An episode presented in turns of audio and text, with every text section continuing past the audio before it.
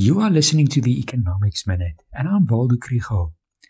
Any episode about the Rand gets old or wrong very quickly, but the exchange rate is always interesting.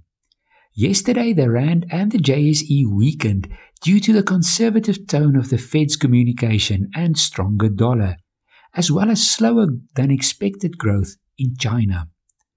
Over the past week, Rand Merchant Bank has ventured forecasts for the rest of 2021.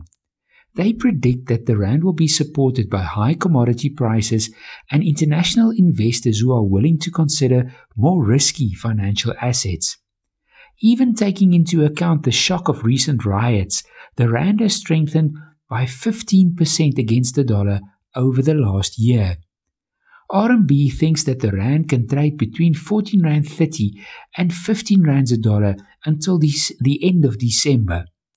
A Bloomberg survey amongst 38 analysts show that they predict an exchange rate of 14 rand 75 per dollar in the fourth quarter.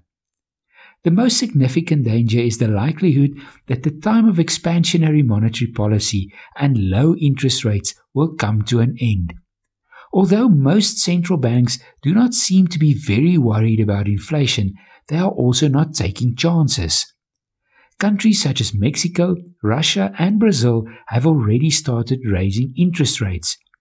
The so called carry trade, where a large interest rate differential between developed and emerging markets attracts international investors and keeps the emerging currencies strong, is something that the Reserve Bank's Monetary Policy Committee will have to think about.